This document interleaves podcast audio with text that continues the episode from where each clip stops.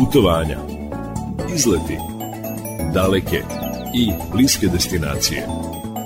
Četiri strane sveta na jednom mestu. Peta strana sveta.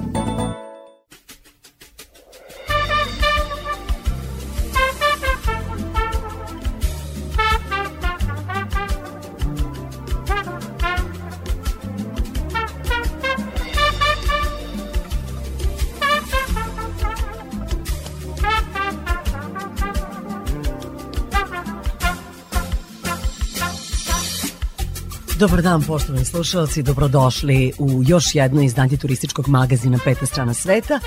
U prošloj emisiji govorili smo o programima za doček nove godine, međunarodne nove godine, a evo ova emisija posvećena je hodočašću, uskoro će badnje veče, proslavljamo Božić, pa povodom tih praznika govorit ćemo o jednoj crkvi, o jednom hramu koji se nalazi u Nici, Nica je najveći grad na Azurnoj obali i čitavim tim francuskim primorjem, tim delom francuskog primorja, Srbi imaju samo jednu srpsku pravoslavnu crkvu, hram Vaznesenja presvete Bogorodice, nalazi se u Luci, Port Limpija u Nici i e, moram priznati da sam bila veoma iznenađena kad sam videla koliko je taj hram sakriven od očiju javnosti. Vi zapravo kada se uzlikate ispred tog hrama, redko ko će steći utisak da se vi nalazite ispred neke bogomolje.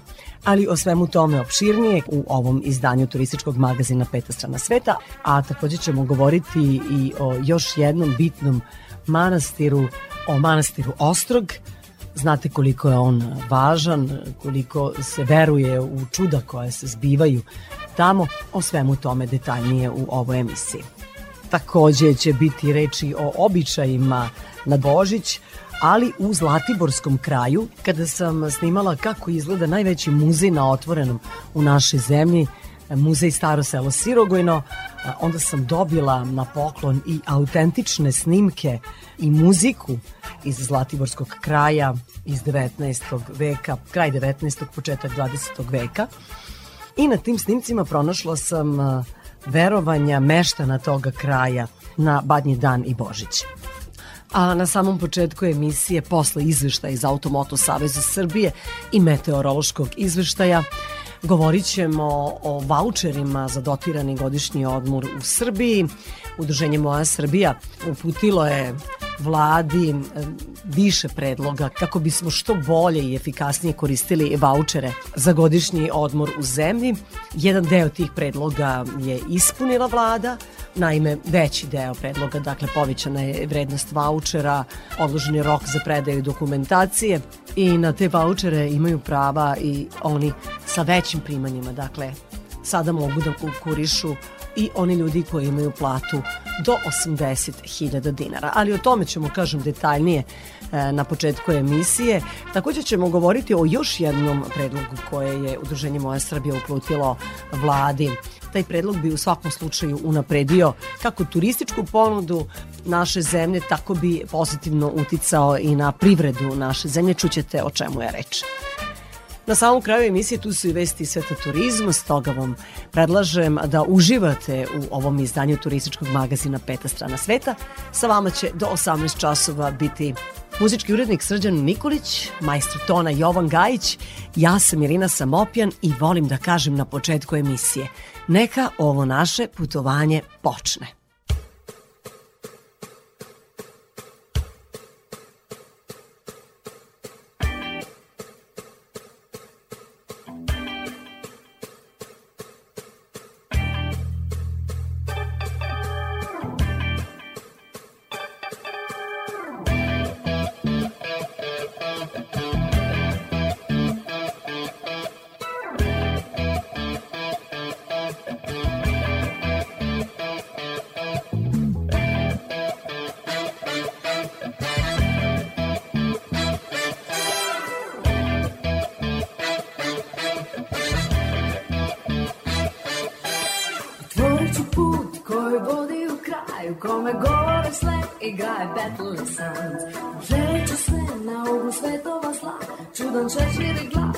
co obalá.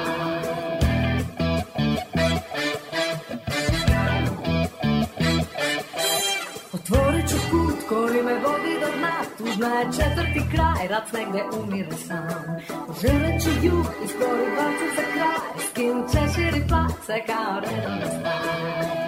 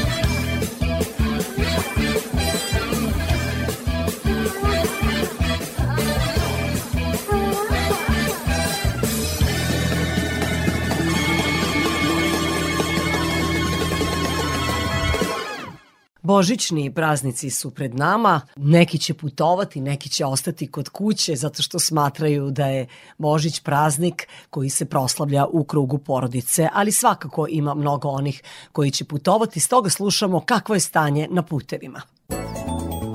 Izveštaj iz Automoto Saveza Srbije. Pozdrav iz operativnog centra Automoto Saveza Srbije. Saobraćaj van gradova pojačan, ali dodatno veći broj vozila očekujemo sa prvim popodnevnim satima kada počinje božićni vikend po julijanskom kalendaru. Na graničnim prelazima zbog pojačanog saobraćaja može biti dužih zadržavanja, a posebno onim najfrekventnijim ka Mađarskoj i Hrvatskoj. Zbog izgradnje autoputa Kuzmin-Sremska Rača, saobraćaj je prilagođen radovima između Adaševca i Kuzmina u smeru ka Beogradu, gde su zatvorene obe zaustavne trake. Obuslavljen je saobraćaj zbog radova na regionalnom putu Despotovo-Zmajevo. Zbog toga se vozači teretnih vozila upućuju na obilazni put preko Vrbasa, Savinog sela, Despotova i Bačkog Petrovca. Slično i na Sećanskom putu u Subotici, a zbog izgradnje brze pruge obustavljen je saobraćaj u mestima Novi Žednik, Bačka Topola i Mali Iđoš. Podsjećamo i na obustavu saobraćaja zbog radova koji se izvode na donici regionalnog puta od Petlje Takovo do Gornjeg Milanovca. Obilazni pravac vodi preko mesta Brusnice i Klatičava, a može se i Ibarskim putem do Ljiga. Prema podacima dobijenih od Uprave granične policije, trenutno zadržavanja na našim najopterećenim graničnim prelazima sa Mađarskom i Hrvatskom su promenljiva i kreću se oko 30 minuta. Međutim, uvek dodajte i vreme koje provodite na terminalima mađarskih i hrvatskih vlasti, a koji uvek duže nego na naše. Sem Horgoša, Horgoša 2, Kelebije i Bačkog brega, koji su otvoreni 24 sata, Bajmog će do 14. januara raditi svakog vikenda od 7 do ponoći. Prelaz Rastina će od danas do 7. januara biti otvoren do ponoći, dok će prelaz Bačke Vinogradi raditi i ovog vikenda od 7 do 22 časa. Zadržavanja su trenutno promenljiva i na prelazima sa Bosnom i Hercegovinom, Severnom Makedonijom i Crnom Gorom, ali se i na njima prolazi bez dužih zadržavanja. Podsjećamo da je saobraćaj u prekidu na graničnom prelazu Bačka Palanka Ilok zbog radova koji se vrše na ispitivanju bezbednosti mosta preko Dunava. Iz Automoto Savjeza Srbije javlja se Jovica Mitić, vozačima želimo srećen put. Vremenska prognoza za putnike. Sada ćemo da doznamo kako će vreme biti e, za Božić, zapravo prvo sutradan, za badnji dan, badnje veče i Božica. Nama je naš meteorolog Miodrag Stojanović. Miodraž, dobar dan. Dobar dan, Irina. Za novu godinu vi ste nas izveštavali o vremenskim prilikama i bile su povoljne za, za one koji izlaze na ulicu, koji borave duže vreme na polju. Bilo je toplo, ali priča se da, da prestaje u ti topliji dani usred zime i da dolazi minus. Ledeni dani, kažu, stižu, a to znači minus i preko dana i noću. Da li je to tačno? Tako je. Pa, ovaj, ali prvo, prvo moramo da završimo sa badnjim danom. Badnji dan ostaje isto vreme kao i, i do sada što je bilo, znači proleće u zimi, e, temperature vrlo visoke, čak od 8 do 16 stepeni u Novom Sadu, ovaj, tako i širom cele republike, ali ovaj, onda u nedelju na Božić se menja vreme.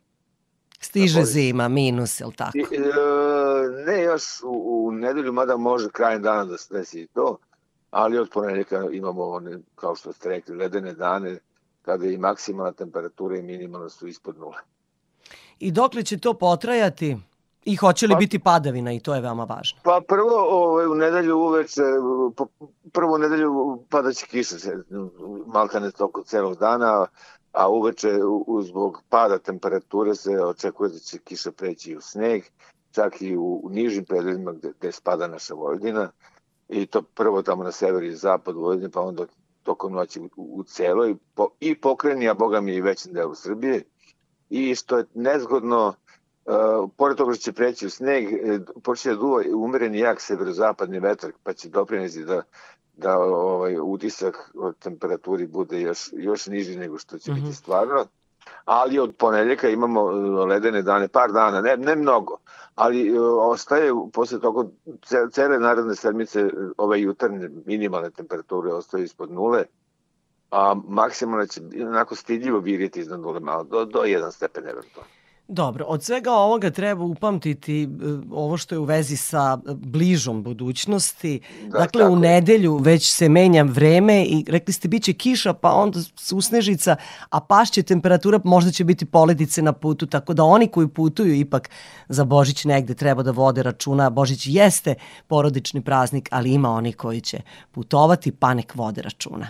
Boga mi nek otvore četvor oči, ovaj, ta kiša će sigurno preći i u sučelnicu i u sneg, a obzirom da je bilo dosta toplo vreme do ovih dana, to neće se odmah lediti dole, ali ovaj, pravi će čudo za vozače, sigurno će biti problema. Hvala vam, Jedražeš, da ste i ovoga petka bili naš meteorolog. Vi ste u stvari neprestano naš meteorolog, jer vas slušamo i u svim informativnim emisijama i onim kraćim i dužim vestima i u drugim emisijama. Želimo vam sve najbolje za Božić, da provedete taj praznik u krugu porodice, okruženi srećom i ljubavlju. Biće tako čim mi dođe unuk. Pozdrav. sve najbolje, bio je to naš meteorolog Mijedrag Stojanović.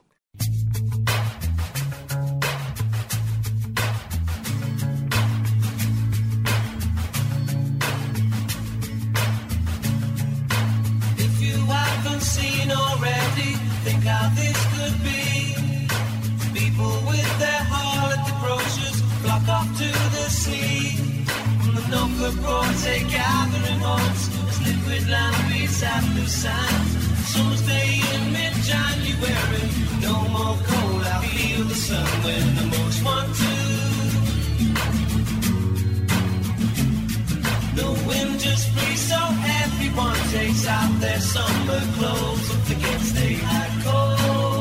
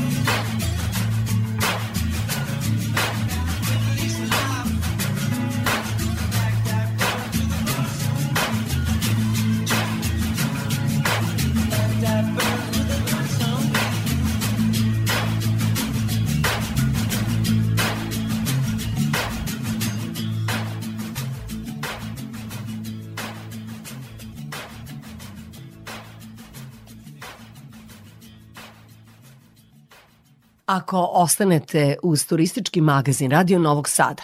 U nastavku ćete biti informisani o tome kako možete da konkurišete za turističke vaučere, odnosno vaučere za subvencionisani godišnji odmor u Srbiji, koja je njihova vrednost sada, koje su pogodnosti, šta je izdejstvovano kada je reč o svrsishodnijem korišćenju vaučera za dotirani godišnji odmor u Srbiji. Takođe ćemo govoriti i o novom predlogu Udruženja Moja Srbija, novom predlogu koje je to udruženje uputilo vladi, a odnosi se na izdavanje vaučera za kupovinu domaćeg turističkog proizvoda. Budite uz nas. Radio Novi Sad. Tell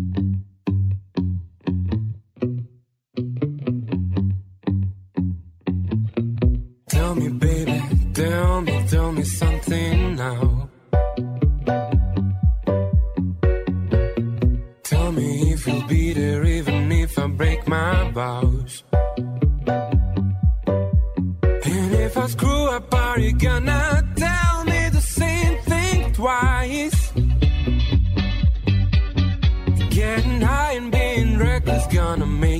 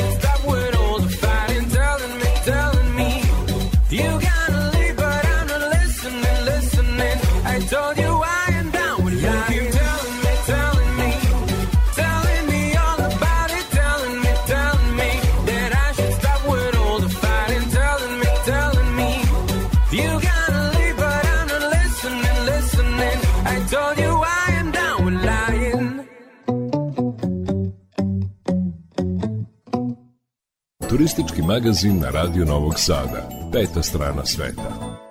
U nastavku o turističkim vaučerima. Većina zahteva u vezi sa vaučerima za subvencionisani godišnji odmor u zemlji koje je Udruženje Moja Srbija poslednjih godina upućivalo vladi na razmatranje, prihvaćeno je. Vrednost vaučera povećana je na 10.000, a početak akcije nije više 1. već 15. januara, tako da će svi zainteresovani, uključujući i studente i zaposlene, imati ravnopravne mogućnosti za prikupljanje dokumentacije i konkurisanje.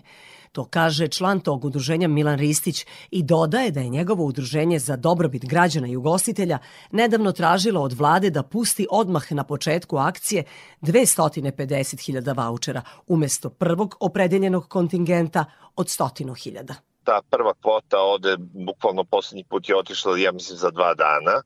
Praktično se napravi opet velika gužva kad se pusti ta druga kvota, nema nikakve potrebe. Znači, e, negde oko dve, između 250 i 300 hiljada vouchera je potrebno za građane Srbije. I ako bi se odmah pustilo to sve, a da se ne secka u više navrata, onda bi ljudi opušteno razmišljali gde će da idu na odmor, kad će da idu na odmor i ne bi se pravile gužve u pošti. U Udruženju Moja Srbija predviđaju da će od 8. do 15. januara biti upućeno više od 200.000 zahteva za rezervaciju termina u objektima za odmor. Vaučeri će planuti već 15. januara za samo par sati, a ugostiteljima će ostati više od 100.000 rezervisanih termina za koje gosti nisu uspeli da predaju dokumentaciju, kaže Milan Ristić iz tog udruženja. Ministar turizma i omladine Husein Memić zadovoljan je zbog velikog interesovanja građana koji žele da godišnji odmor provedu u zemlji. On pojašnjava od kog će datuma biti moguće korišćenje vaučera. Svi oni koji se prijave 15. januara već nakon mesec dana od 15. februara će moći da koriste vaučere. Znači do 20. novembra 2024. godine će moći da se koriste vaučeri. Građani će moći da se prijavljuju isključivo sa rezervacijama izdatim nakon 8. januara, odnosno sa rezervacijama koje im ugostitelji izdaju od ponedeljka. Toga dana biće objavljena i prva lista ugostitelja koji su se prijavili u Ministarstvu omladine i turizma za izdavanje rezervacija. Pravo na vaučere imaju penzioneri, nezaposleni, korisnici prava na dodatak za pomoć i negu drugog lica, vojni invalidi, nosioci poljoprivrednog gazdinstva, studenti, lica starija od 65 godina koja ne ostvaruju pravo na penziju. Kada je reč o zaposlenima, dobra je vest da ove godine turističke vaučere mogu da koriste oni sa zaradom čiji je maksimalni iznos 80.000 dinara. Peta strana sveta.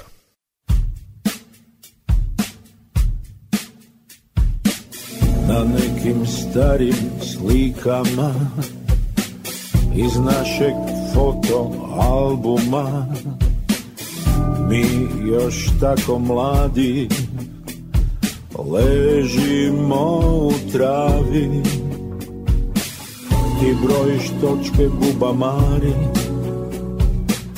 Pogled moj te zaljubljeno bari. Na mom licu glasno piše Da sam ludo sretan. Sretan da će život svoj živjeti uz mene dok ne ostanem bez tragova i sjene. A kad me jednom više ne bude kad te usred noći probude neke vruće misli nestašne to ću biti ja kad me jednom više ne bude Kad te usred noći probude Neke vruće misli nestašne To ću biti ja. Na zadnjoj slici ti i ja U zagrljaju svojih godina plešemo svoj valcer i zračimo mir. Ti si moja obala mirna luka mojih valova. Daleko od oluja živim svoj san sretan da će život svoj živjeti uz mene dok ne ostanem bez tragova i sjene. A kad me jednom više ne bude kad te usred noći probude neke vruće misli nestašne. To ću biti ja. A kad me jednom više ne bude kad te usred noći probude neke vruće misli nestašne. To ću biti ja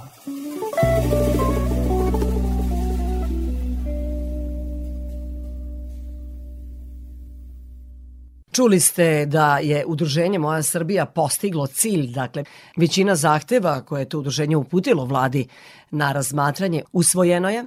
Dakle, eto, ostaje taj jedan zahtev da odmah, dakle, u januaru bude pušteno 250.000 vouchera.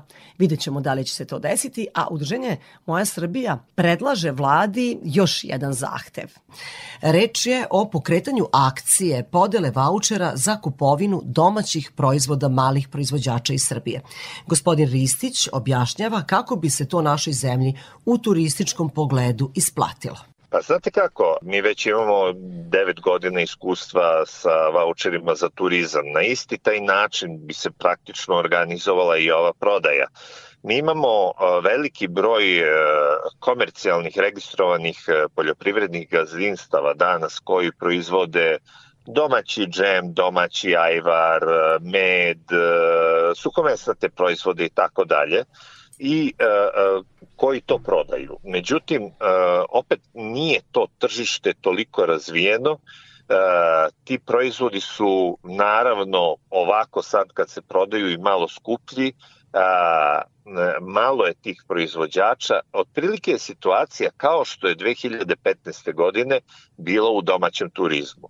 Kad je 2015. godine prvi put organizovana podela vouchera, na listu ugostitelja koji e, primaju vouchere iz cele Srbije se javilo svega 120 ljudi.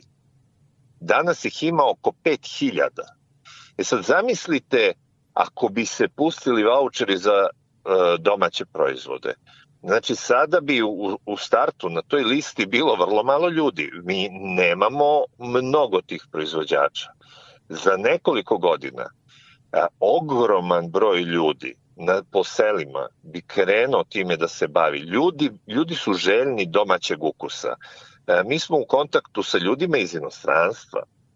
E, danas e, vi imate e, e, recimo uslugu koja se zove post-eksport, gde vrlo, vrlo povoljno možete iz sela pored Jagodine da pošaljete e, e, paket sa domaćim ajvarom u Toronto da stigne čoveku na kućni prag.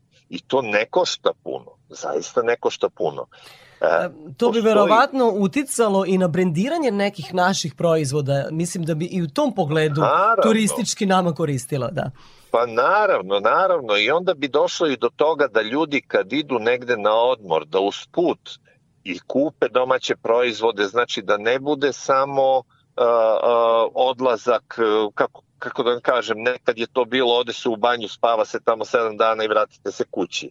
Znači, bitno je da se tome da neki sadržaj, a veliki sadržaj bi se dobio i tim što bi se e, povećao broj e, poljoprivrednih gazdinstava e, koja proizvode domaće proizvode, kvalitetne domaće proizvode i koji to prodaju. Svi ti proizvodi su gotovo stopostotno domaćeg porekla. Znači svaki dinar koji, za to, koji u to date, on ostaje u državi Srbiji i kroz poreze i doprinose to se u roku od par meseci vrati nazad u državnu kasu. Tako znači, je, a, a usput jača i mala izgubila. privreda, da. Pa kako da ne, pa ja vam kažem, samo na osnovu iskustva iz turizma, hiljade i hiljade porodica nekih u ruralnim sredinama, tamo gde žive ljudi a, a, vrlo siromašno, počeli bi da žive, da rade i da zarađuju svojim radom. Znači, e, mnogo bi značilo i za očuvanje sela, za povratak ljudi u sela, za da, da, jednostavno da, da prestane odliv stanovništva i pražnjenje sela u Srbiji. Gospodine Ristiću, s obzirom to da imate takve predloge, jeste li vi radili neka istraživanja u tom domenu pa ste došli do takvih zaključaka? Pa, da, da, vi, vaše da, udruženje, mislim. Zvanična istraživanja nismo radili, ovo vam pričam iz iskustva, jer evo devet godina se bavimo E, voucherima za turizam. Mi, mi imamo portal koji je najposećeniji što se tiče tih vouchera i e, veliki, veliki broj građana u stvari nas zove, raspituje se, mislim, malte ne radimo kao call center kad se, kad se, dele, kad se dele voucheri, tako da e, takođe i ugostitelji koji primaju voucher nama se obraćaju vrlo često za pomoć, za informacije, tako da imamo informacije šta se dešava na terenu i tekako. I, I na osnovu e, toga zapravo vi ste došli na ove ideje, sve o kojima smo Naravno, pričali. i na da. osnovu toga što iz moje generacije, kako da vam kažem, ogroman broj ljudi živi napolju, pričam sa njima, e, vidim koliko su oni željni i naših proizvoda, e, koliko se dočekuje paket koji stigne tamo sa ljubavlju. Vi imate, recimo, imate u inostranstvu, prodaju se proizvodi sa Balkana, oni čak imaju svoj brend koji se zove No Name. Znači, ljudi su željni toga. Ovo kad bi se pokrenulo, više bismo se bazirali na, na našu, na domaću srpsku privredu i naša država bi imala veliki, veliki e, podsticaj time i kažem, e, sad s jedne strane pričamo o voucherima za domaće proizvode našim ljudima, našim građanima koji žive ovde, ali bi to podstaklo sigurno i e, naše gra- građane u inostranstvu da krenu to da kupuju. Da. Kao što vam se sad povećao broj naših ljudi koji dolaze i putuju po Srbiji nakon što se dele voucheri ljudima u Srbiji. Slušalci Radio Novog Sada su informisani, pa i oni su čuli, e, tako da verujem da se i njima dopadaju ovi predlozi. Sve najbolje, Hvala Milane, i hvala hvala na vam. podršci. Hvala vam što ste govorili za turistički magazin Radio Novog Sada. Hvala i vama. Moj sagovornik bio je član udruženja Moja Srbija, Milan Ristić. Ostanite uz naš radio.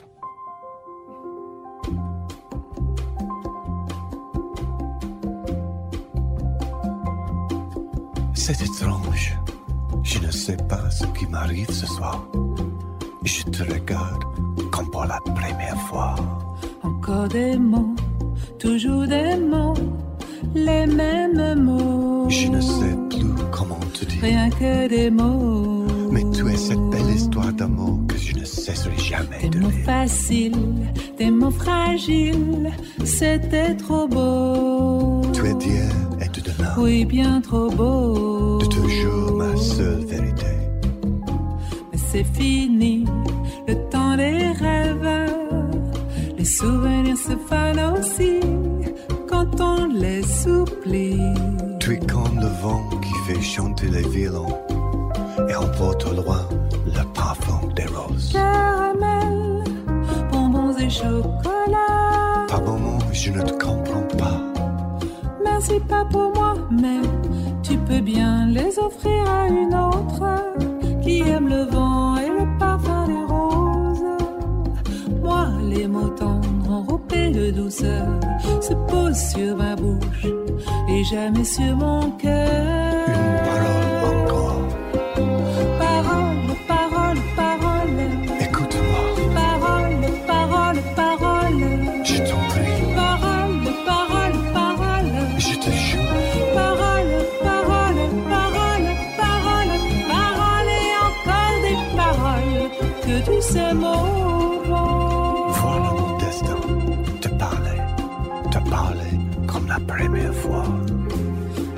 Des mots, toujours des mots, les mêmes mots. Comme j'aimerais que tu me comprennes, Rien que des mots, que tu m'écoutes au moins une fois. des mots magiques, des mots tactiques qui sonnent faux. Tu es mon rêve défendu, Oui, tellement faux. mon seul tourment et mon unique espérance. Rien ne t'arrête quand tu commences.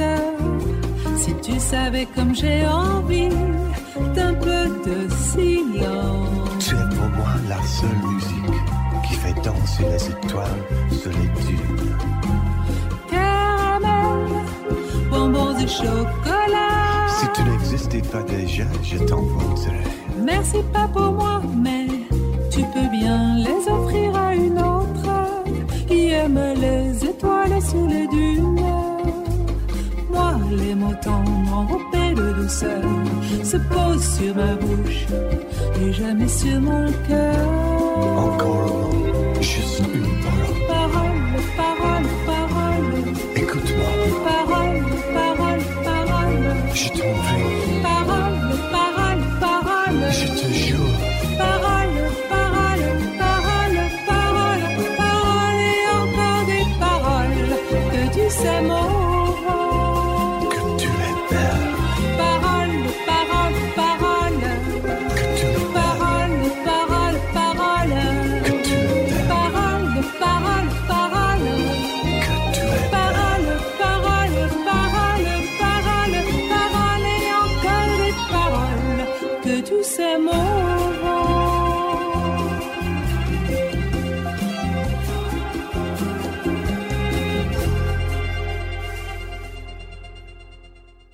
Ostanite uz Radio Novi Sad, uskoro ćemo pažnju usmeriti na jedinu Srpsku pravoslavnu crkvu na Azurnoj obali koja se nalazi u Nici.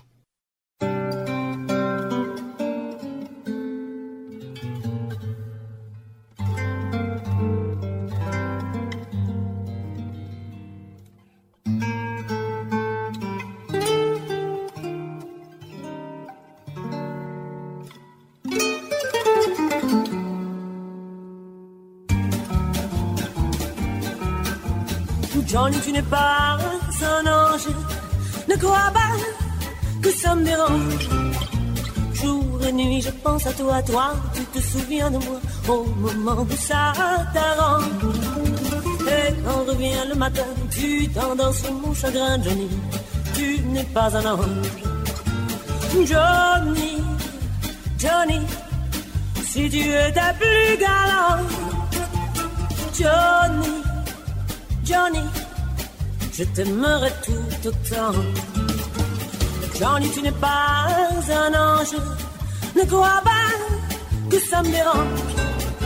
Quand tu me réveilles la nuit, c'est pour dire que tu t'ennuies, que tu voudrais une vie de chant.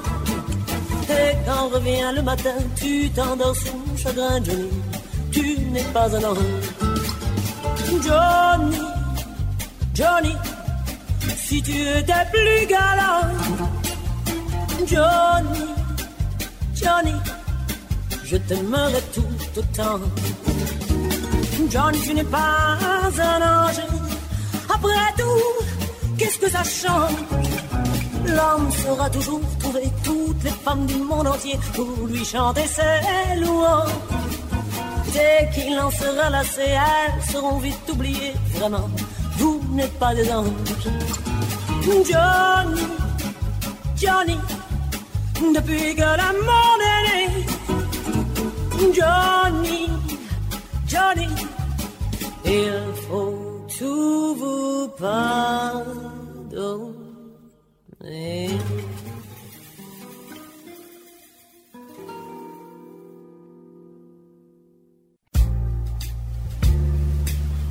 Turistička razglednica.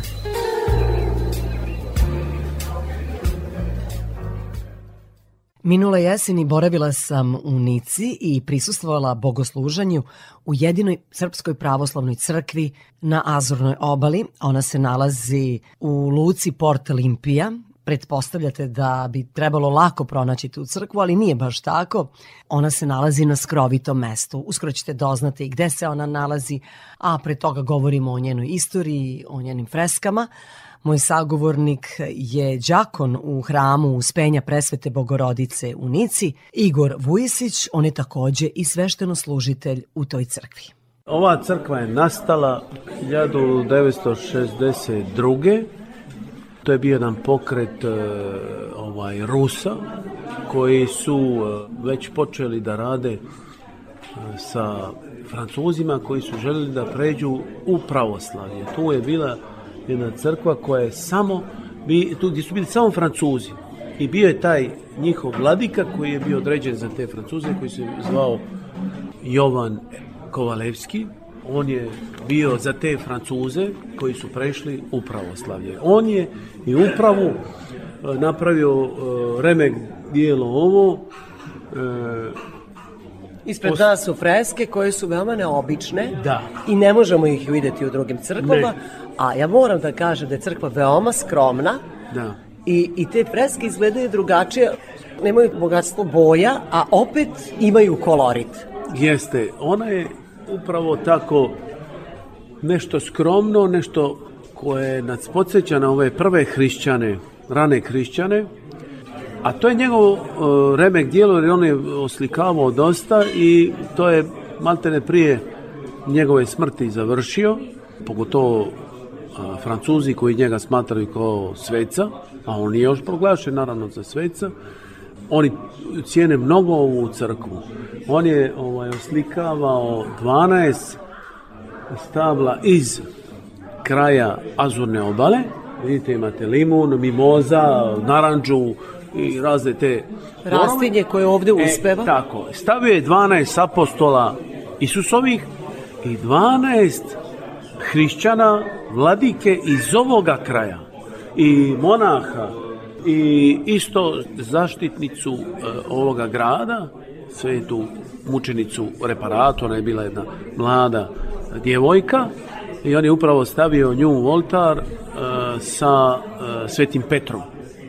Imate na drugom dijelu, e, pošto je crkva posvećena e, bogorodičnom uspenju, život presvete bogorodice. Vidite, imate tu, ako možemo reći tako, jednu traku života presvete bogorodice. I onda imate, a ona je bila oštećena zbog, zbog vode koja je curila, ova, imate isto tako jednu fresku Hrista To je da koji kažemo je- glavna freska. pa tako može se preobraženja Hristovog, ali koji nije pred tri apostola, kao što je u Svetom evanđelju, nego je to jedan kao triptik što imaju Rusi, sa presvetom Bogorodicom na lijevoj strani i svetim Jovanom Krstiteljom sa desne strani.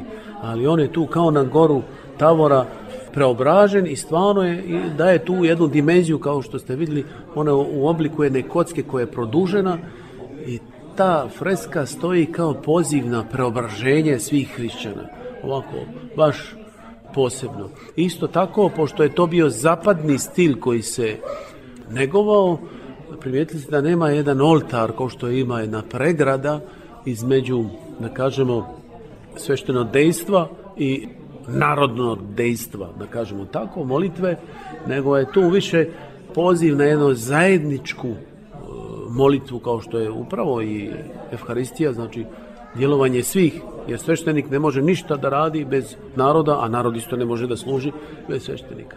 Tako da je to isto vrlo ovako zanimljivo. Takođe je zanimljivo da mi u ovoj crkvi ili hramu nemamo ikonostas, dakle vi ulazite u oltar iza jedne tanke ograde koja se otvara dvokrilno i postoje samo dve ikone, dve značajne ikone koje predstavljaju ikonostas. Tako je. O kojim ikonama je reč? Prvo je jedna Hristova ikona e, koja je više u vizantijskom stilu, kao što vidite nije ona pozlačena, ali je u tonu e, pozlačena oreol. Vidi se da je to Hristos Pantokrator, svedržitelj na grčkom, koji blagosilja narod i drži evanđelje u lijevoj ruci ili evanđelje kao e, eto života, kao način života. A sa lijeve strane imate jednu posebnu ikonu koja je nije po vizantijskom stilu i to se vidi, koja je više jedan zapadni stil sa krunom, pred Sveta Bogorodice koja ima jednu krunu i jedan žezal kao ona koja e, sa Hristom svojim sinom e, i svojim Bogom vodi narod Božji. I ona, ako vidite, piše na francuskom Notre Dame de la Gue, pošto ova crkva e, je nosila u početku ime Notre Dame de la Gue, pošto pred Sveta Bogorodica se ovaj, pojavila tu na jedno 40-50 km u planinama i ako ja se ne varam, e, ovaj, taj vladika Jovan Kovalevski, on je nešto to, da kažemo, podvukao da se ovaj ta crkva tako zove po nekom zapadnom, da kažem, e, zapadnim čudima. Radio Novi Sad.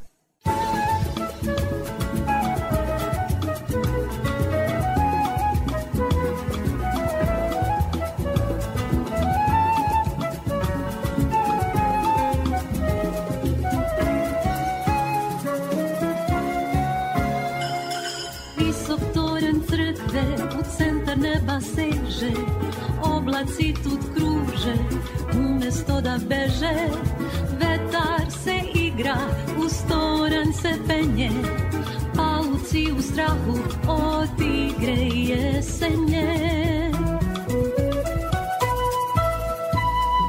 Tišina se širi i krošnja se njiše Priroda ne diše, čeka kapi kiše. Ptica jedna izlete, put neba se vinu. Svi bi da okrilate, da dosegnu visinu.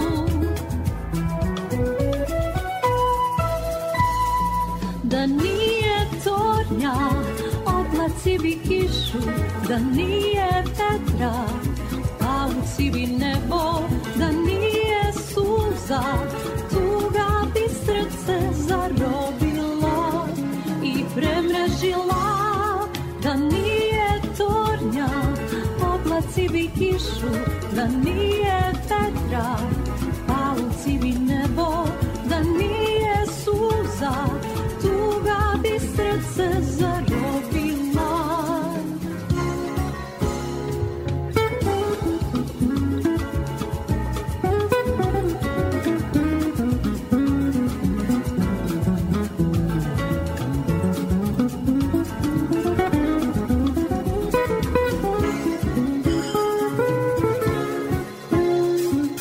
Visok toran crkve, sunce bi da dirne, nek nestane, vetrić neka pirne, nek bude ovaj dan, lenji dosadan, malo prohladan, kišom okupan.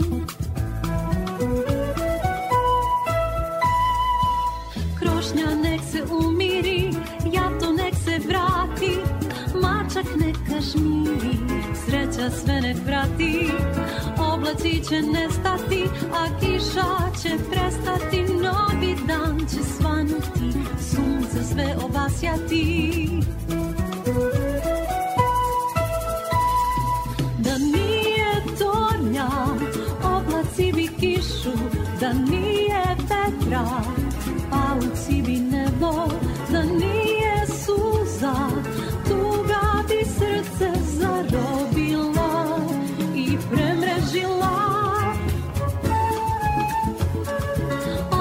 Oblaci bi kišu,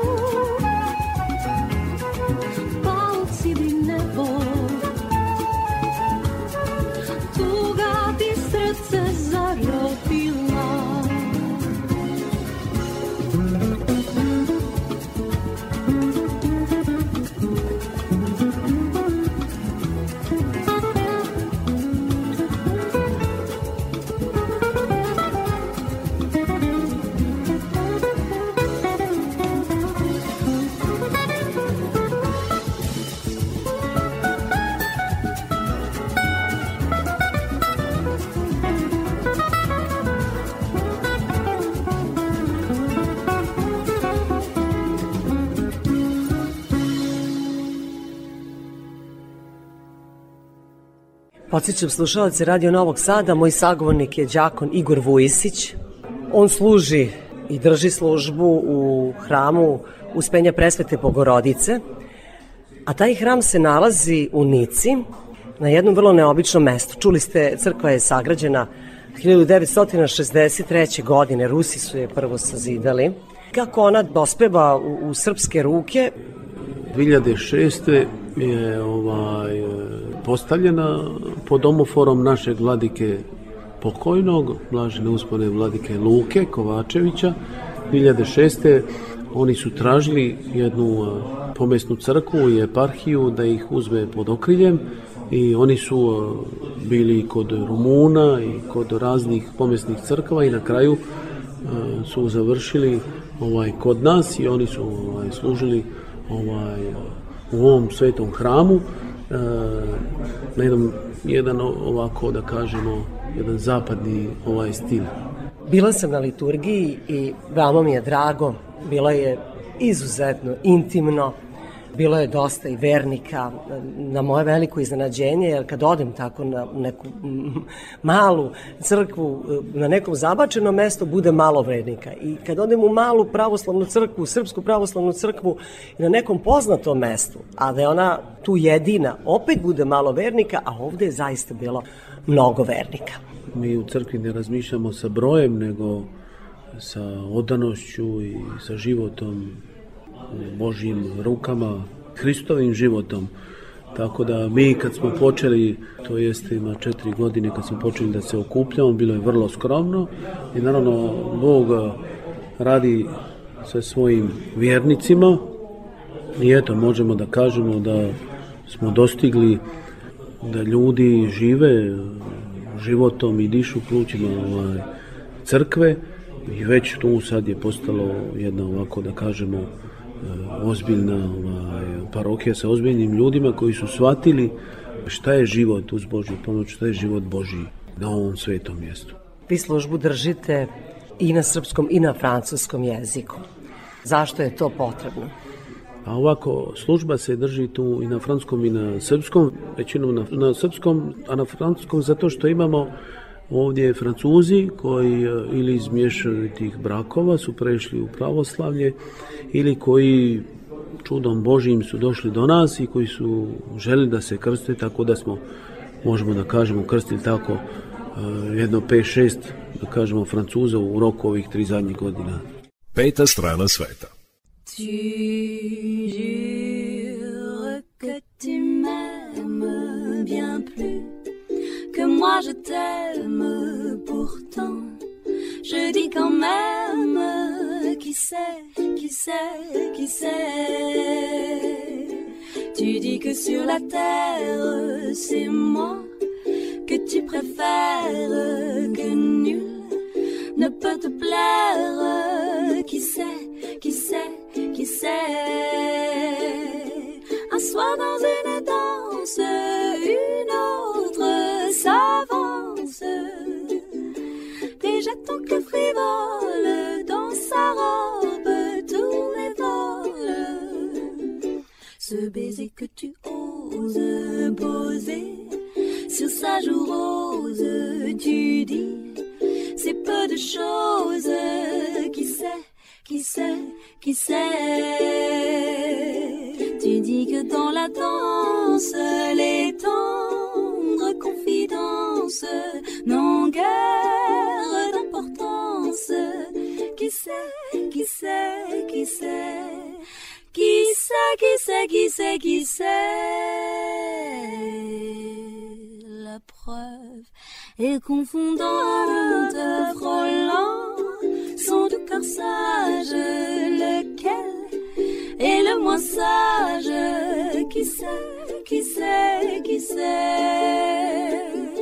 Pour pas que l'amourette te tourne la tête Vas-tu m'être fidèle pour une telle bagatelle? Mais si jamais tu oses moi-même, suppose, ferais la même chose. Qui sait, qui sait, qui sait, qui sait, qui sait, qui sait, qui sait. Povodom Badnjeg dana, Badnje večeri i Božića govorimo o Srpskoj pravoslavnoj crkvi u Nici. Moj sagovornik je sveštaron služitelj u tom hramu Igor Vujsić. Turistička razglednica.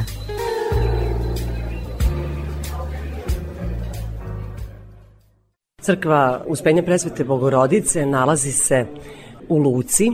Zapravo jedna ulica je deli od same Luke, od pogleda na, na mnoge brodove. E, preko puta hrama ili crkve nalazi se i autobuska stanica za Monako, možda tako turistima da pojasnimo jer će oni ovo slušati u turističkom magazinu Peta strana sveta, a svakako uvek u magazinu govorimo i o crkvama, jer imamo i hodočašće, što je takođe jedan vid putovanja. Zašto pojašnjavam gde se nalazi ovaj hram? Zato što ga nije lako pronaći, jer on nema s polja izgled hrama, crkve. Dakle, nemamo ni kupolu, e, nemamo ništa što bi nas podsjećalo na crkvu, postoje samo jedna vrata, postoji jedna freska pored, natpis na vratima i to je sve. I zato možda ljudi nisu znali za postojanje ove crkve, a opet kad uđemo kroz vrata, onda imamo jednu veliku prostoriju sa visokim svodom i to je sve. To je cela crkva, zidovi imaju freske do pola, a druga polovina nije ni okrečena. Kažem, veoma skromno i meni se to baš sviđa, zato je to intimno, prisno sa svakim vernikom koji ulazi kroz vaša vrata.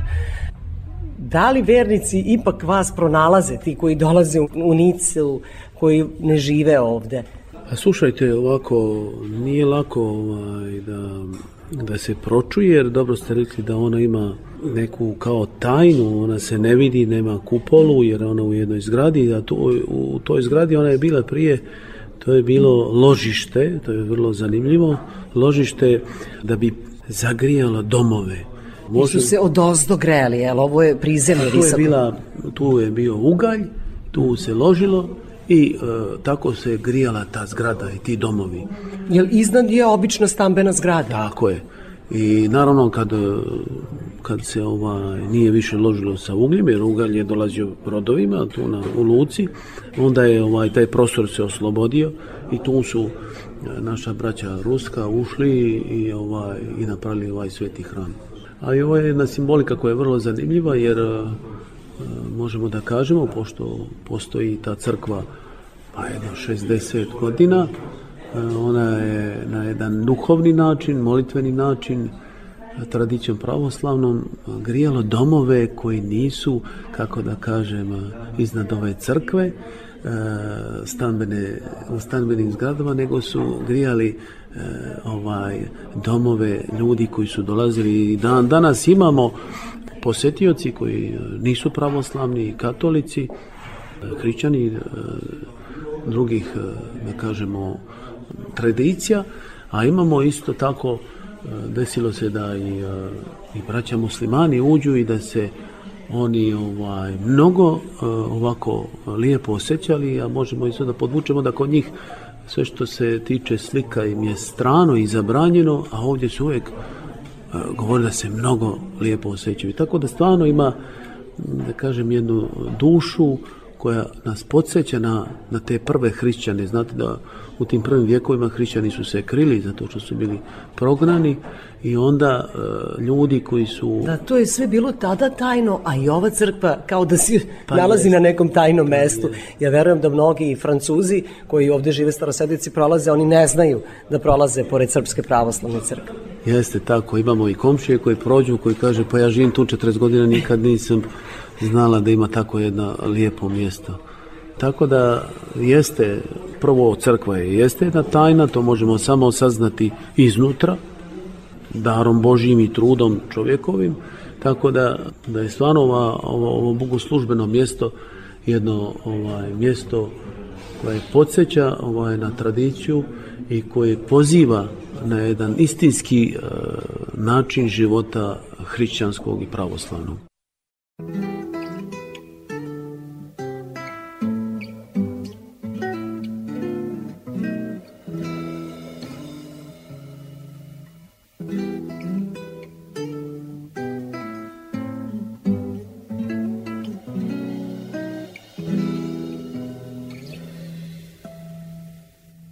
Neka tajna veza za sve ljude zakon krut. Njome čovjek sebe veže kada bira neki put. Sidro koje mlađu čuva da ne bude buri To ne sa tom mlađom, jer je ono dio nje.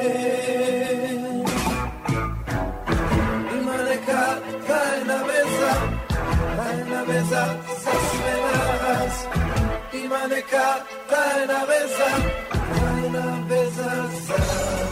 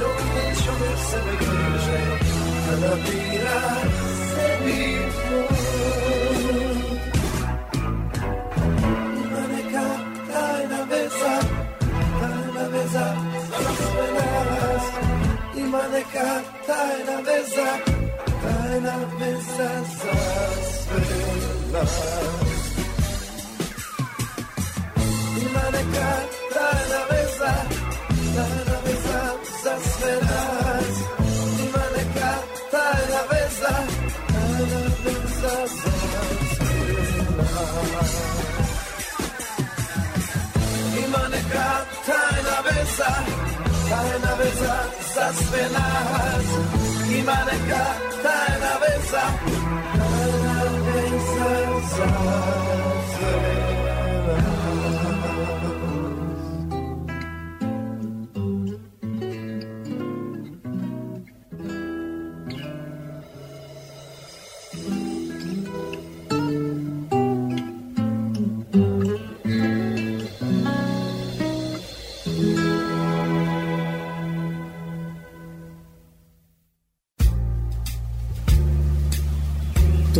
Turistička razglednica.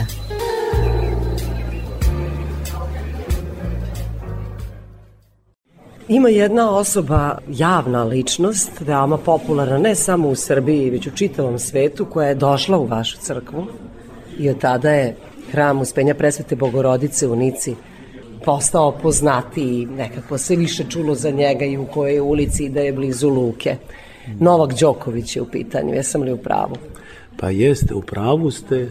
Kada je Novak bio kod vas? Novak je bio prvi put e, u decembru 2018. Ja ga nikad nisam bio vidio do tada izblizu i on je stvarno došao je ovako na kraju službe i, i nekako nas je očarao nekako. Smo svi odjednom bili radosni jer naravno mi moramo da priznamo da na ovakvom svjetskom nivou posle toliko uvreda na naš narod, on je nekako to počeo da, da čisti on na svoj način, pobjedivši mnoge turnire i pokazavši jedno lice toplo, razumno i naravno hrišćansko e, cijelom svijetu. Tako da je ovaj, bilo veoma, veoma čudesno, tu je donio naravno i poklone za djecu i bilo je ovako jedinstveno, baš jedinstveno. Moramo da objasnimo i zašto je Novak Đoković baš došao ovde u hram Uspenja presvete Bogorodice u Nici. E, On ima stan u Monaku i nema gde da se pomoli Bogu i u koju bogomolju pravoslavnu, srpsku pravoslavnu bogomolju da uđe, nego baš ovde. Koliko ima pravoslavnih, srpskih pravoslavnih crkava ovde na Azurnoj obali? Pa ovako, na Azurnoj obali o, ima, imamo samo tu crku, Odnosno ovu crkvu, ovu gde sada sedimo. da, da, e, koja je srpska pravoslavna crkva, a naravno ima drugih bogomolja Imamo ruskih, rusku, e, da. rumunskih i tako dalje.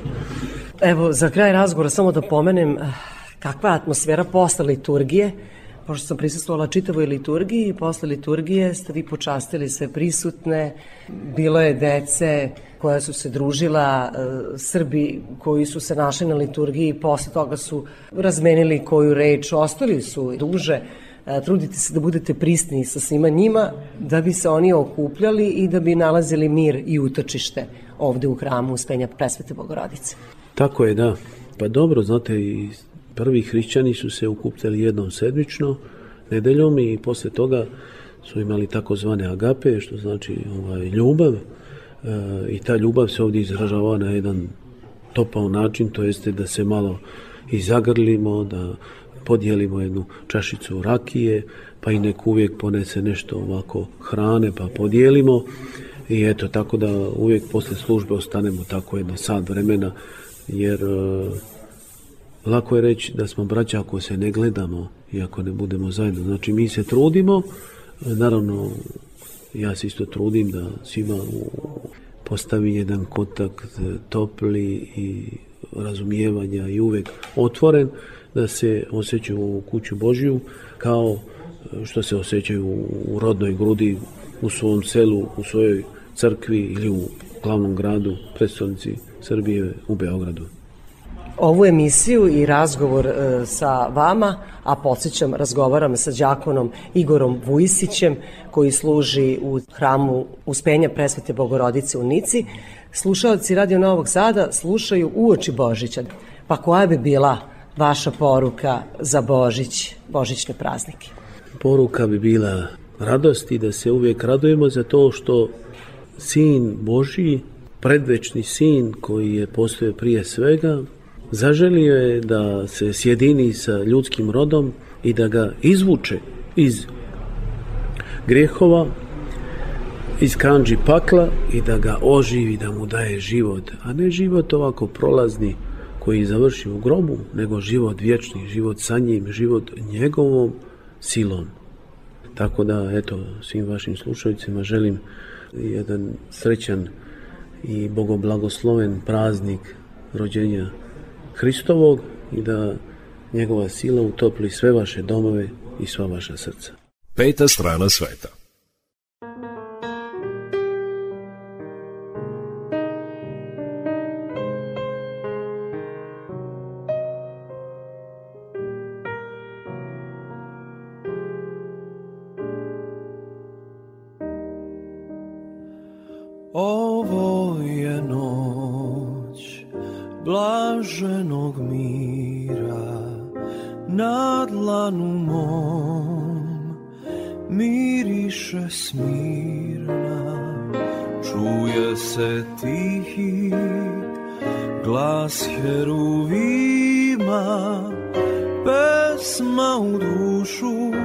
Što dira.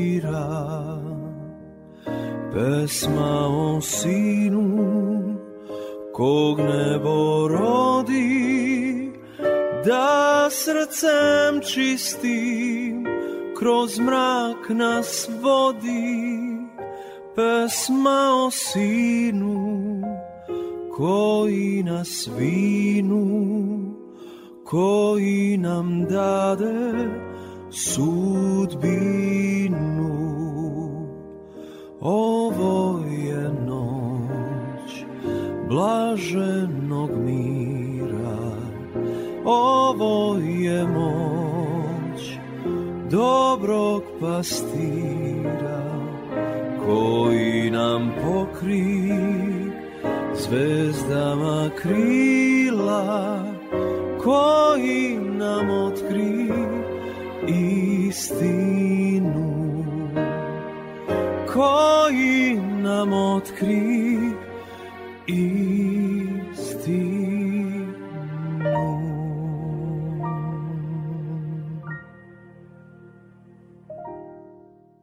Ostanite uz nas, uskoro ćemo govoriti o manastiru posvećenom svetom Vasiliju Ostroškom.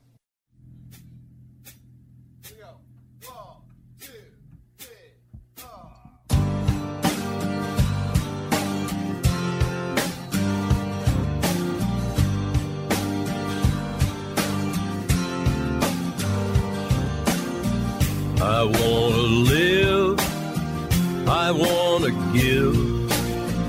I've been a miner for a heart of gold. It's these expressions I never give that keeps me searching for a heart of gold. And I'm getting old. It keeps me searching for a heart of gold. And I'm getting old.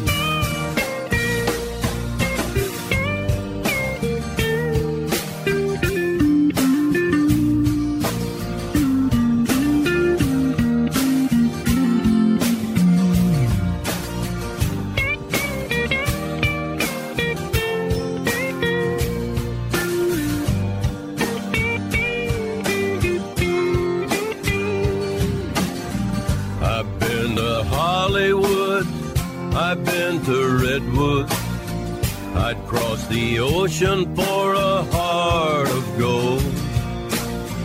I've been in my mind, it's such a fine line that keeps me searching for a heart of gold.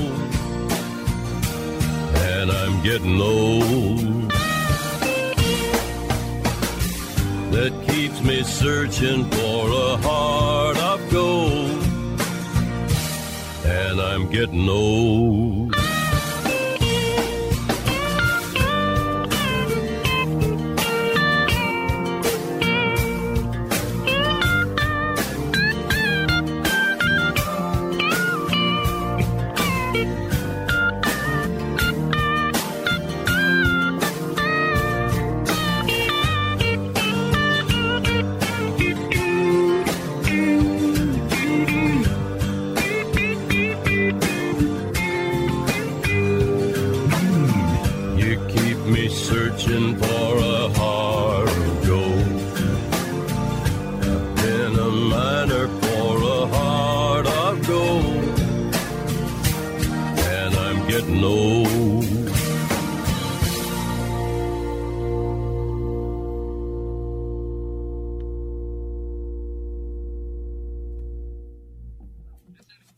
Yeah, I think that was okay. Yeah.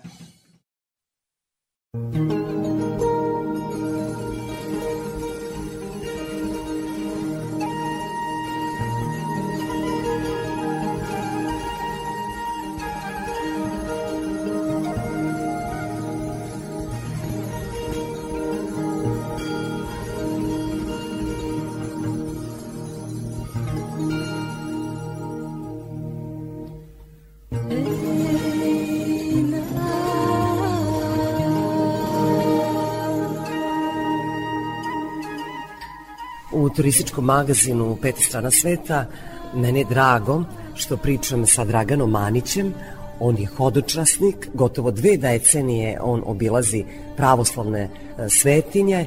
Dragane, dobrodošli u emisiju. E, hvala, želim da pozdravim sve vaše slušalce i da poželim ovaj, pre svega srećne nastupajuće praznike.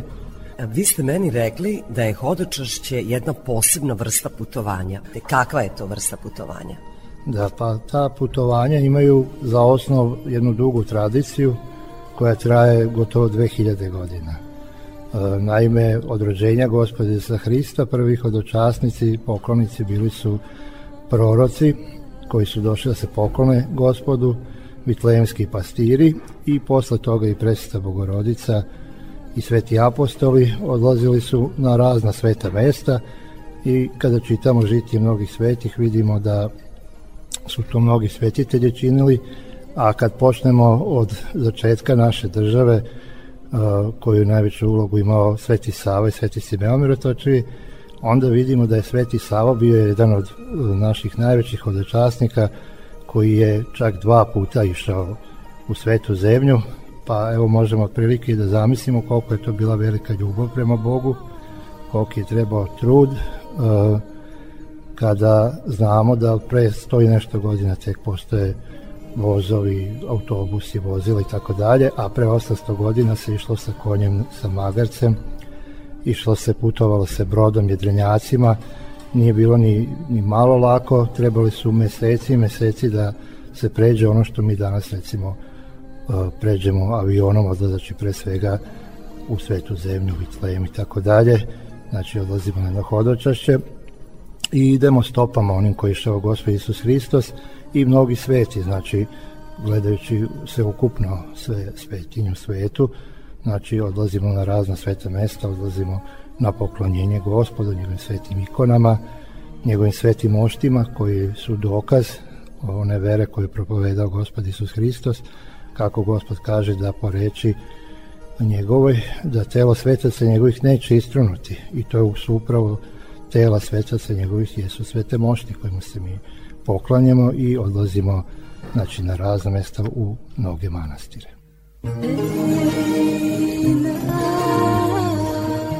Odlazimo u mnoge manastire, a jedan od manastira koji je pa možemo slobodno reći, najposećeniji uh, u regionu je manastir Ostrog. I ne prestaju ljudi da se vraćaju u taj manastir, odlazi se više puta, Vi ste često tamo bili, to je najposjećeniji manastir u Crnoj Gori i znamo da tu leže mošti Svetog Vasilija Ostroškog.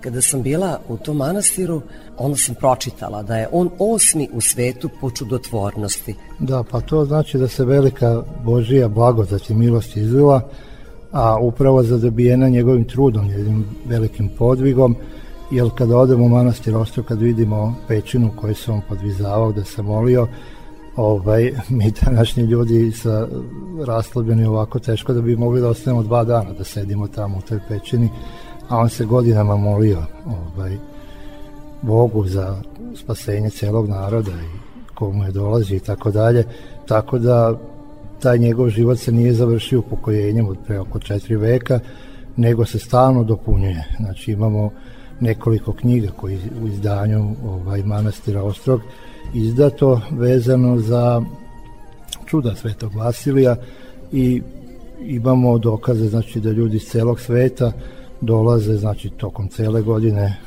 ne znam sa tačan broj ali sigurno je u milionima ljudi koji dolaze da se poklone svetitelju i gde se svakodnevno čudesa dešava i sami smo bili svedoci mnogi čuda možda je interesantno evo da ja ispričam jedno ovako ovaj, sa hodočašća gde Bog i Sveti Vasilije ovaj, svedoče o svojoj prisutnosti, o milosti svojoj, tako da, da odlazeći u manastir Ostrog sam kupio jednu ikonu ovaj, Svetog Vasilija koja je godinama išla u autobusu i bila je ona nam u stvari vodič, Sveti Vasilije, nam je bio vodič na tom putu i tako 2011. godine negde u maju mesecu sam se zapitao, rekao Bože koliko se osvetila ova ikona, koliko je puta bila na Ostrogu i ovaj, koliko je naroda tako putovalo, otišlo zajedno sa mnom na hodočašće i onda je otprilike za dve nedelje, to je bilo na praznik Svete Anastasije, majke Svetog Save, ta ikona zamirotočila. Tako da, To znači da je zamirisala. da, pa jeste, na, orošena je bila skroz i od nje su se ovaj, počela dečavati čuda, tako je i onaj dan danas e, čudotvorna, dok, u vreme dok je bila orošena, dok je mirotočila, ovaj, nije išla sa nama na put, ali ovaj, sada evo ponovo je nosimo, tako da je rado svima i ovaj, blagodat velika data kroz to, eto, Bog je pokazao svoju milost i pokazuje da je prisutan i da voli narod svoj i eto vidimo i kroz ovo stradanje ove nedelje ovaj, kako gospod prolazi najtežim putem do vaskrsenja vidimo da ovaj gospod to nam na neki način i pokazuje njegovo vaskrsenje kroz milost svoju i kroz uh, čudo to koje se desilo upravo preko ove ikone gde narod hodi za njime i svetim Vasilijem.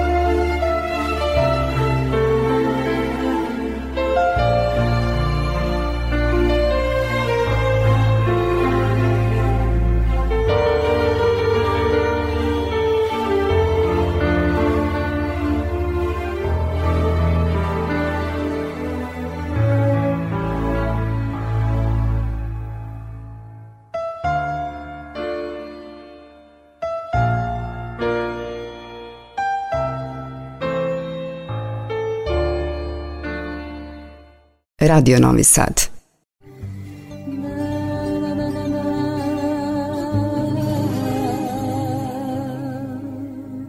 Samo čudo je i mesto gde se nalazi manastir Ostrog. Zapravo, neverovatno je kako se do manastira stiže. Preko strmih puteva, provalije oko autobusa. Opišite nam malo kako izgleda taj manastir. Da, pa manastir je smešten u, u vrhu planine Ostrog i ovaj ranije nije bilo ni puteva, ljudi su dolazi peške na konju na magarcu, mnogi delovi puta nisu mu ni, ni mogli ni tako da se pređu. Vremenu se to promenilo, hvala Bogu i narodu eto, koji dolazi tamo, pa uz neke priloge koje ostaju, uredili su se putevi, tako da danas vi možete da dođete na razne načine, možete vozom, možete automobilom, možete nekim autobusom koji je organizovani prevoz do manastira, a ovaj nešto što je vezano za boravak u samom manastiru interesantno je mnogima i to je jedan naš ovaj mali podvig, jedan naš trud, jedna žrtva Bogu jeste kako se noći u manastiru Ostrog. Znači, tamo većina ljudi spava u krugu samog manastira, gde je prisutan ovaj, Sveti Vasilije i spava se vani i na otvorenom. To je uglavnom najčešće ta praksa. Jel tu i zimi rade ljudi? Da, pa zimi nema toliko mnogo posjetilaca, pa ima mogućnosti da da se spava ovaj, i u, U nekoliko konaku, pošto ima konak. konaka, da, u nekoliko soba u konacima, ali ljudi opet iz te velike ljubavi prema svetitelju odlučuju se čak i zimi da pojedini da spavaju vani. Postoji, eto, možda interesantno za vaše ovaj, slušalce da kažemo, postoje i dva hotela koje su nešto niže nekoliko kilometara, pa ako želi sebi da priušti neki luksuzni smeštaj, on ode pa prespava u hotelu.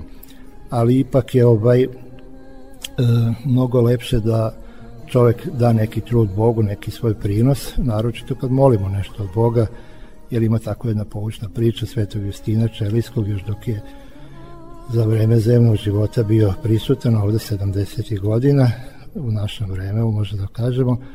Ovaj, on je išavši sa Vladetom Jerotićem, vi ga uglavnom poznajete, ovaj, susrednu baku koja je šla u manastir Čelije i ovaj, hteo da je poveze autom, međutim baka odbila, kaže, ovaj, rekla je, pa ja nemam šta da, da dam, a oni su mislili da želi da plati baka, međutim, ovaj, pa kaže, ne treba ništa da platite, a kaže, ne, nego ja nemam ništa Bogu drugo da dam, nego ovaj moj trud neka bude prinos. I to je za Svetog Justina bila pouka, tako da je to sigurno pouka i za nas, kad idemo tako u manastir, u Svetini, treba svi da malo se više potvrdimo da e, tu svoju ljubav prema Bogu i bližnjem na neki način kroz dela svoja pokažemo.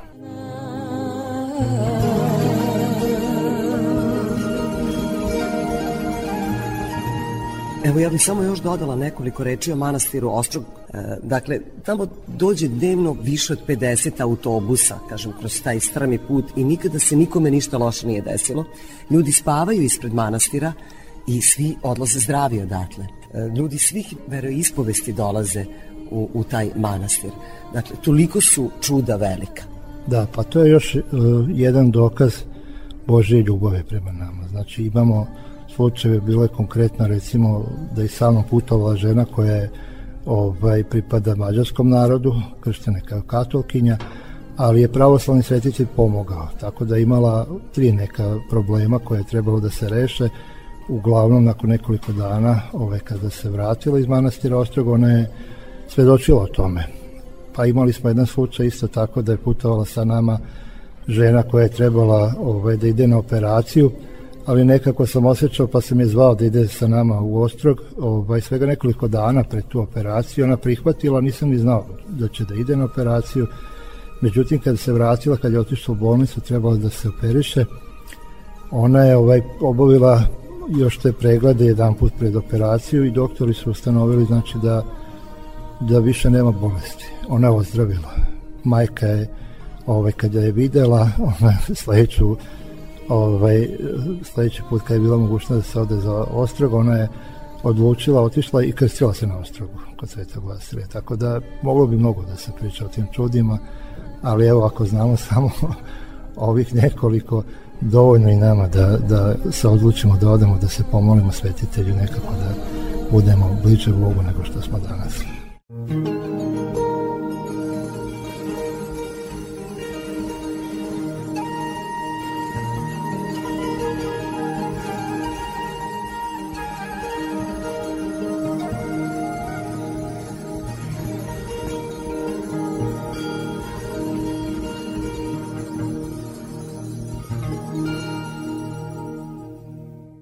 Moj sagovornik bio je Dragan Manić, koji je hodočasnik već 20 godina. Peta strana sveta. Povodom Badnjeg dana i Božića uskoro ćemo u emisiji govoriti o običajima za te praznike u Zlatiborskom kraju.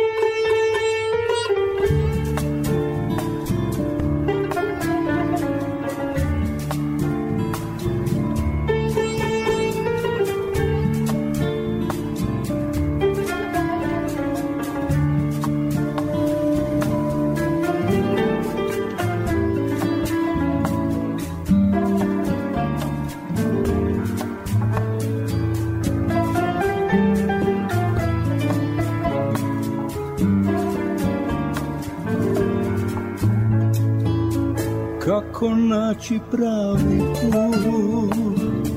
Pravi put do srca tvoj. Prošao sam cijeli svijet Al tajnu ne otkrih ja. Ja sam bio sve i ptica i riba I drvo i zemlja i nebo na njoj njom. Ja sam bio svuda, sve sam probao Al tajnu ne otkrih ja Nema gdje da se ode. Nema šta da se bude. I onda zašto sam tu? Bože zašto sam tu? Nema gdje da se ode Nema šta da se bude. I onda zašto sam tu? Bože zašto sam tu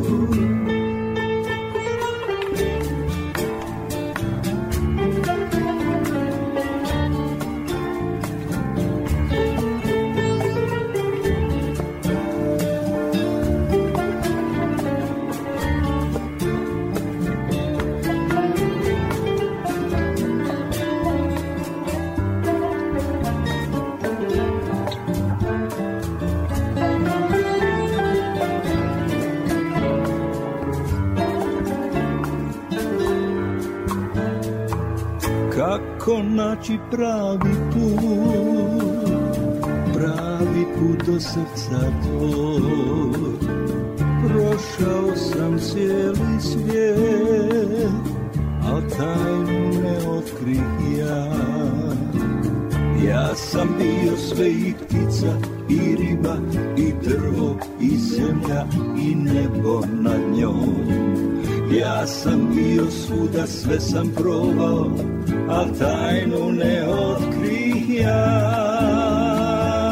Nema gdje da se ode, nema šta da se bude, i onda zašto sam tu? Bože, zašto sam tu? Nema gdje da se ode, nema šta da se bude, zašto sam tu? Bože, zašto sam tu? O, zašto sam tu? Zašto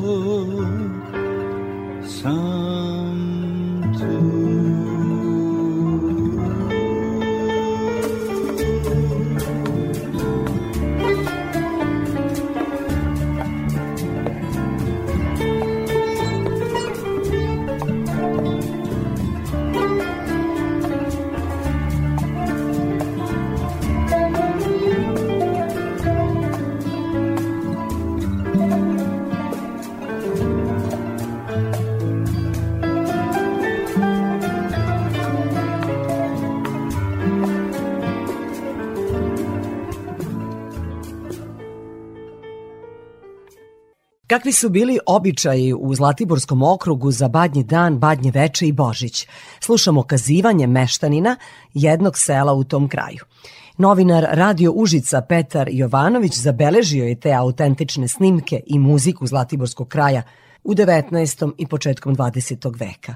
Snimci su sačuvani zahvaljujući entuzijazmu radnika u najvećem muzeju na otvorenom u našoj zemlji, Taj muzej se zove Staro selo Siragojno. Podsjećam, slušamo kazivanje jednog od meštana sela u Zlatiborskom kraju. Dakle, kako su se tamo obeležavali praznici Badnji dan, Badnje veče i Božić.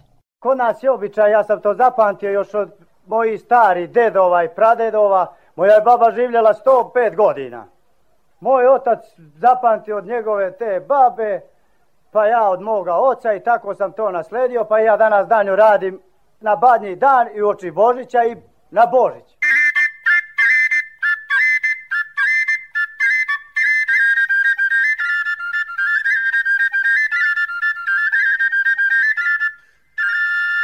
Na badnji dan izutra ja uzmem sjekiru, majka mi umjesi tamo zove se česnica od kukuruza. I ja uzmem u rukavicu malo zobi i uzmem sjekiricu I odem tamo, nađem, u šumicu nađem jedan hrastić i tamo dođem, nazovem tamo tom, mi nazivamo badnjak. Kažem dobro jutro i čestiti Božić. I uzmem, u rukavicu nosim one zobi i bacim oko onoga rastića, prekrstim se, Bože pomozi gospode, i uzmem sekiricu, ali treba od dva udarca da izvadim ljusku koja nam tamo mi za to varovanje donesemo kući. Ja udarim jedan put dole, drugi put gore, ljuska iskoči, onu ljusku turim u torbu i usečem veseljak, badnjak, tako veseljak kako hoćete. Okrešem, ali nepremetno rekla mi, mama kaže, sine, nek ostane jedna šumčica, kaže, nepremetno, da je ne vidiš, kaže, na tome veseljaku, jer to, kaže, treba da se udare govedo oči Božića, kaže, beži, beži, kaže, šuškavico, evo šumke. Kaže, da ne bi udarila šuškavica u goveda da pocrkaju.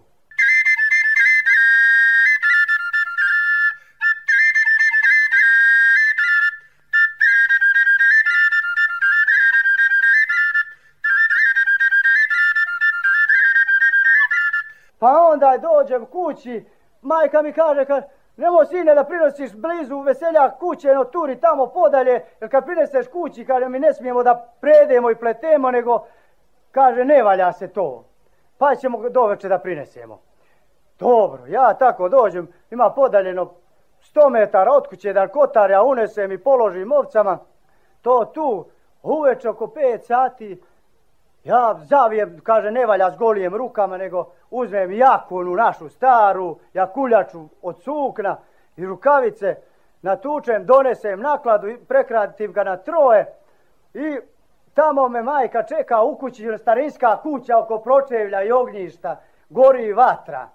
I ona tamo čeka sa sitom, puno sito zobi. I ja odvod ulazim, ali pazi sine, pazi sine kako još duđeš, nema duđeš s lijevom nogom prije no s desnom.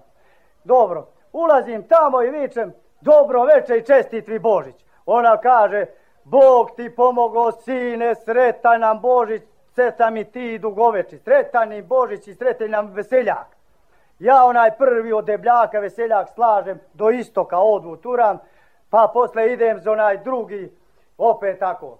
Dobro veče i čestit vi Božić, ona kaže, Bog ti pomogo sine, sretan ni Božić, sretni ni veseljaci. Još za onaj treći odem, opet kažem, dobro veče i čestit vi Božić, Bog ti pomogo sine, sretni ni veseljaci, sretan mi ti bio i dugovečit da mi živiš sto godina.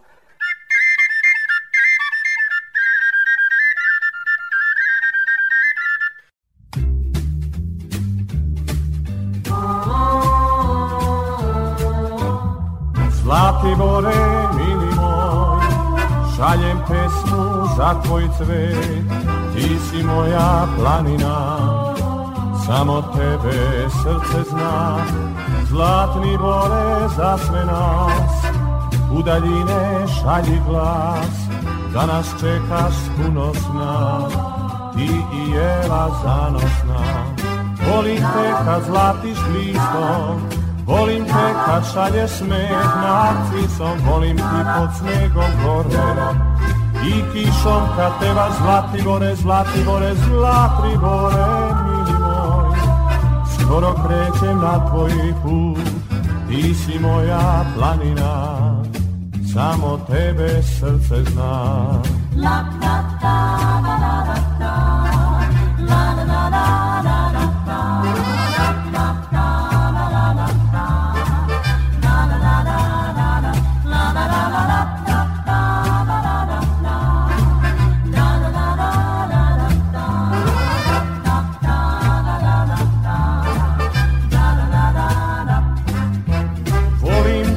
zlatiš listom Volim te kad šalješ smeh narcisom Volim ti pod snegom gore I kišom kad pevaš Zlatibore, Zlatibore, Zlatibore, mili moj Skoro krećem na tvoj put Ti si moja planina. Samo tebe srce zna Voli samo Zlatibor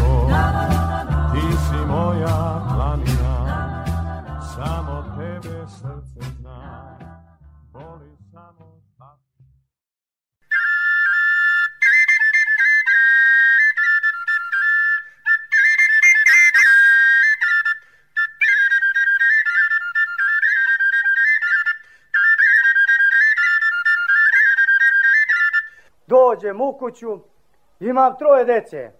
mama turi tamo na onaj najdeblji veseljak šećera.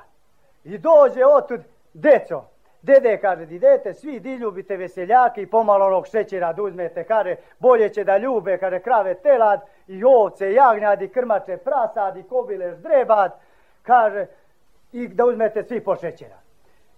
Tako to obavimo, dođemo u kuću, donese ona tamljana i zapalimo sveću, da sad ćemo se pomolimo Bogu i da prekrstimo se i da popijemo po rakiju.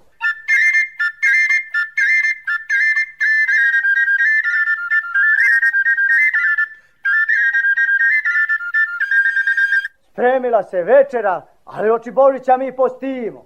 Skuvali voća, napravili kompot, kupili zaitin za zaitin ili tako, krompire i sjeli, usito stavljen kolač, jedan i zob, gori i sveća. I otud ide mama, nosi jedno bremence slame. I viče otud, ide po kući okovnjista i viče kvo, kvo, kvo, kvo, kvo, kvo, kvo, kvo. A djeca viču piju, piju, piju, piju, piju, piju, piju, piju i čupaju onu slamu, čupaju, čupaju.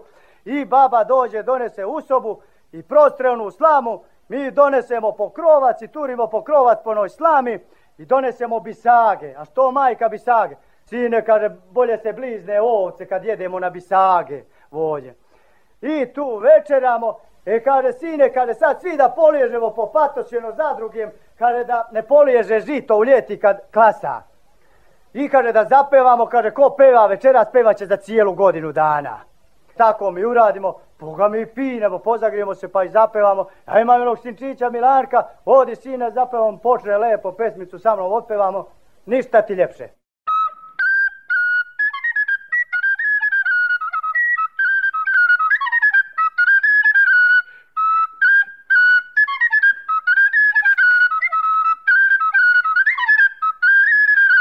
Slušali ste sećanje žitelja jednog sela u Zlatiborskom kraju o običajima koji su bili praktikovani za Badnje dan, Badnje veče i Božić. Autentične snimke i muziku tog kraja zabeležio je novinar Radio Užica Petar Jovanović. Peta strana sveta. Ostanite uz Radio Novi Sad, bližimo se kraju emisije, uskoro će i vesti sveta turizma.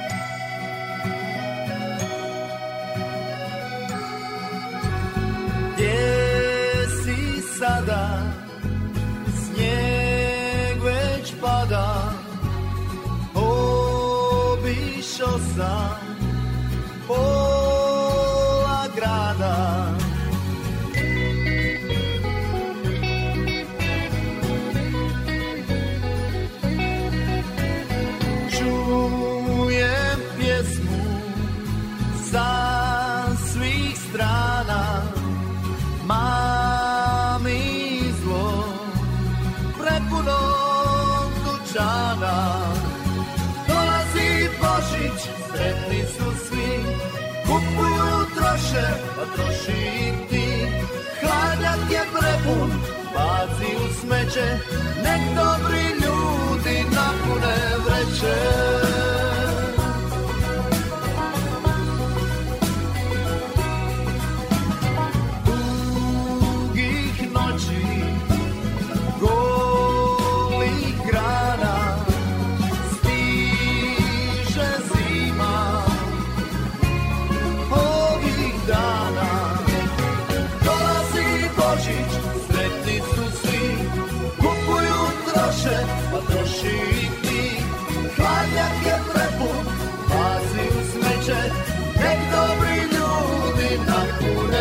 Share.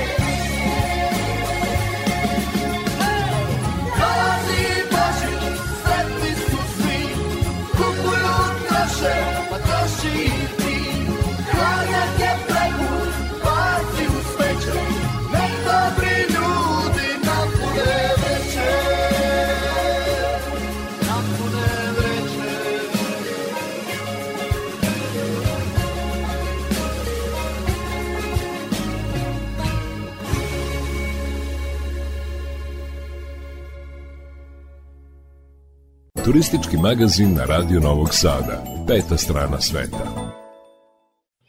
Evo i vesti iz sveta turizma.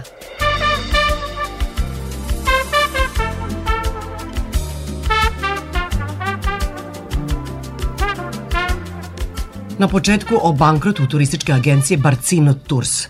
Direktor Nacionalne asocijacije turističkih agencija Srbije Aleksandar Seničić rekao je da je za polisu turističke agencije Barcino Tours proglašena insolventnost od 250.000 evra, a da je šteta prema putnicima koji nisu mogli da ostvare svoje aranžmane oko 150.000 evra, dakle mnogo je manja, tako da će svi putnici, prema njegovim rečima, najverovatnije biti obeštećeni. Trebalo bi da svi putnici dobiju 100% iznosa koji su uplatili.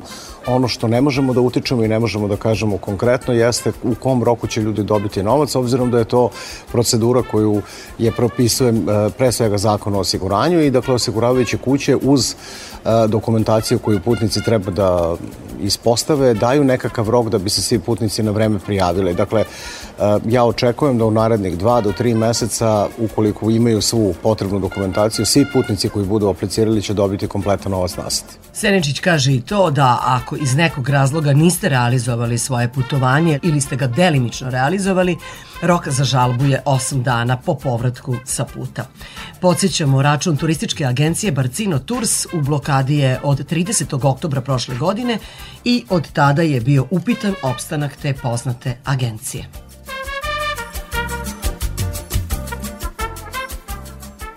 Jedna vest sa sajta Turistički magazin.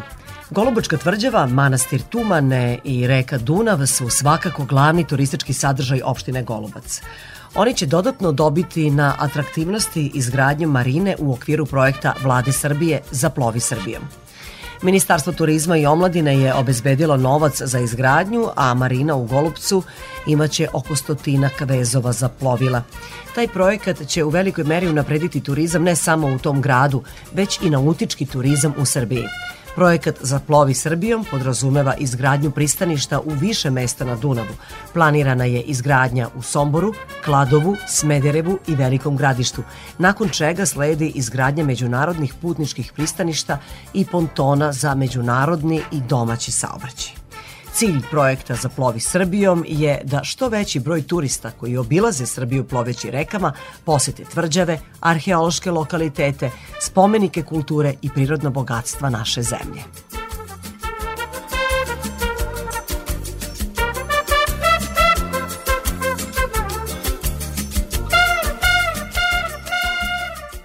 Pretpostavlja se da će broj putnika na kruzerima biti dvostruko veći u 2023. odnosno prošloj godini u odnosu na poslednju rekordnu godinu za turizam. Kompanije s razlogom traže od lučkih gradova poput Venecije i Dubrovnika da im dozvole više ulazaka u grad što je naišlo na neodobravanje stanovnika tih gradova. Kompanije za kružna putovanja brodovima najbrže su se oporavile nakon pandemije virusa korona, ako uporedimo druge sektore u turizmu. Pretpostavlja se da će statistika pokazati da je prethodne godine na kruzerima plovilo 31,5 miliona putnika. To bi prema zvaničnim podacima bilo čak dvostruko više nego pre četiri godine. Interesantno je da je za ovu godinu nemoguće rezervisati plovidbu na kruzerima, jer potražnja nikada nije bila veća. Upravo to izaziva strah kod stanovnika nekih gradova na Mediteranu poput Venecije, Dubrovnika i Barcelone. Oni strahuju od velike navale turista. Gradske vlasti zbog toga ograničavaju ulaske velikim brodovima u luke sa kojih putnici preplavljuju istorijske centre i opterećuju infrastrukturu. Osim toga, izuzetno negativno utiču na okolinu i remete svakodnevni život građana. U takvim uslovima život tih građana ponekada je nemogući. Venecija je 2021. godine zabranila sidrenje kruzera ispred svog istorijskog jezgra zbog štete koju su veliki brodovi prouzrokovali temeljima grada. Barcelona je uvela taksu, odnosno porez za svako pristanje kruzera. Dubrovnik je uveo pravilo da istovremeno u luci ne smeju da budu dva broda sa po 2,5 ili 3.000 putnika.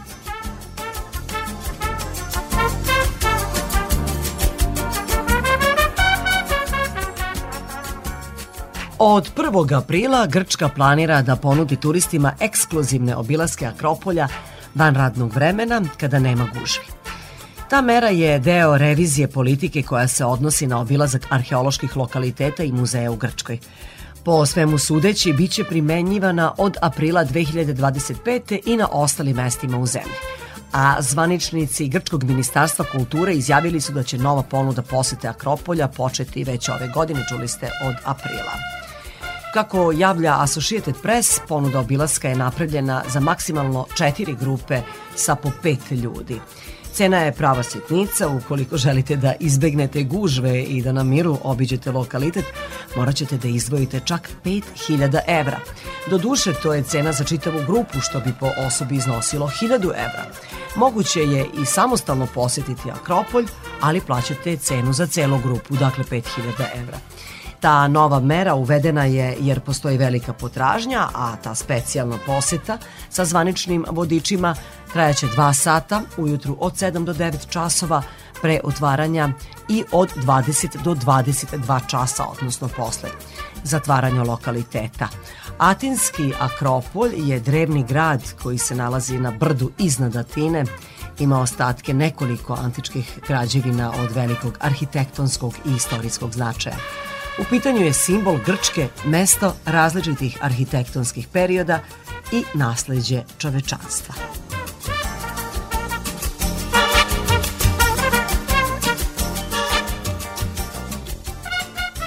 Bilo je to sve poštovni slušalci što smo pripremili u ovom izdanju turističkog magazina Peta strana sveta.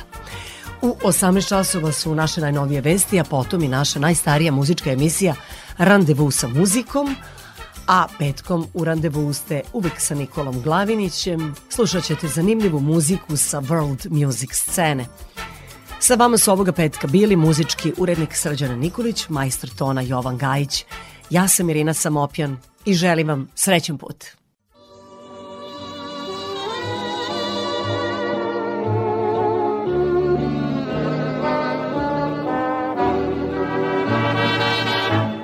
How'd you like to spend Christmas on Christmas Island? How'd you like to spend a holiday away across the sea? How'd you like to spend Christmas on Christmas Island? How'd you like to hang your stocking on a great big coconut tree? How'd you like to stay up late like the islanders do? Wait for Santa to sail in with your presents in a canoe. If you ever spend Christmas on Christmas Island. You will never stray, for every day your Christmas dreams come true.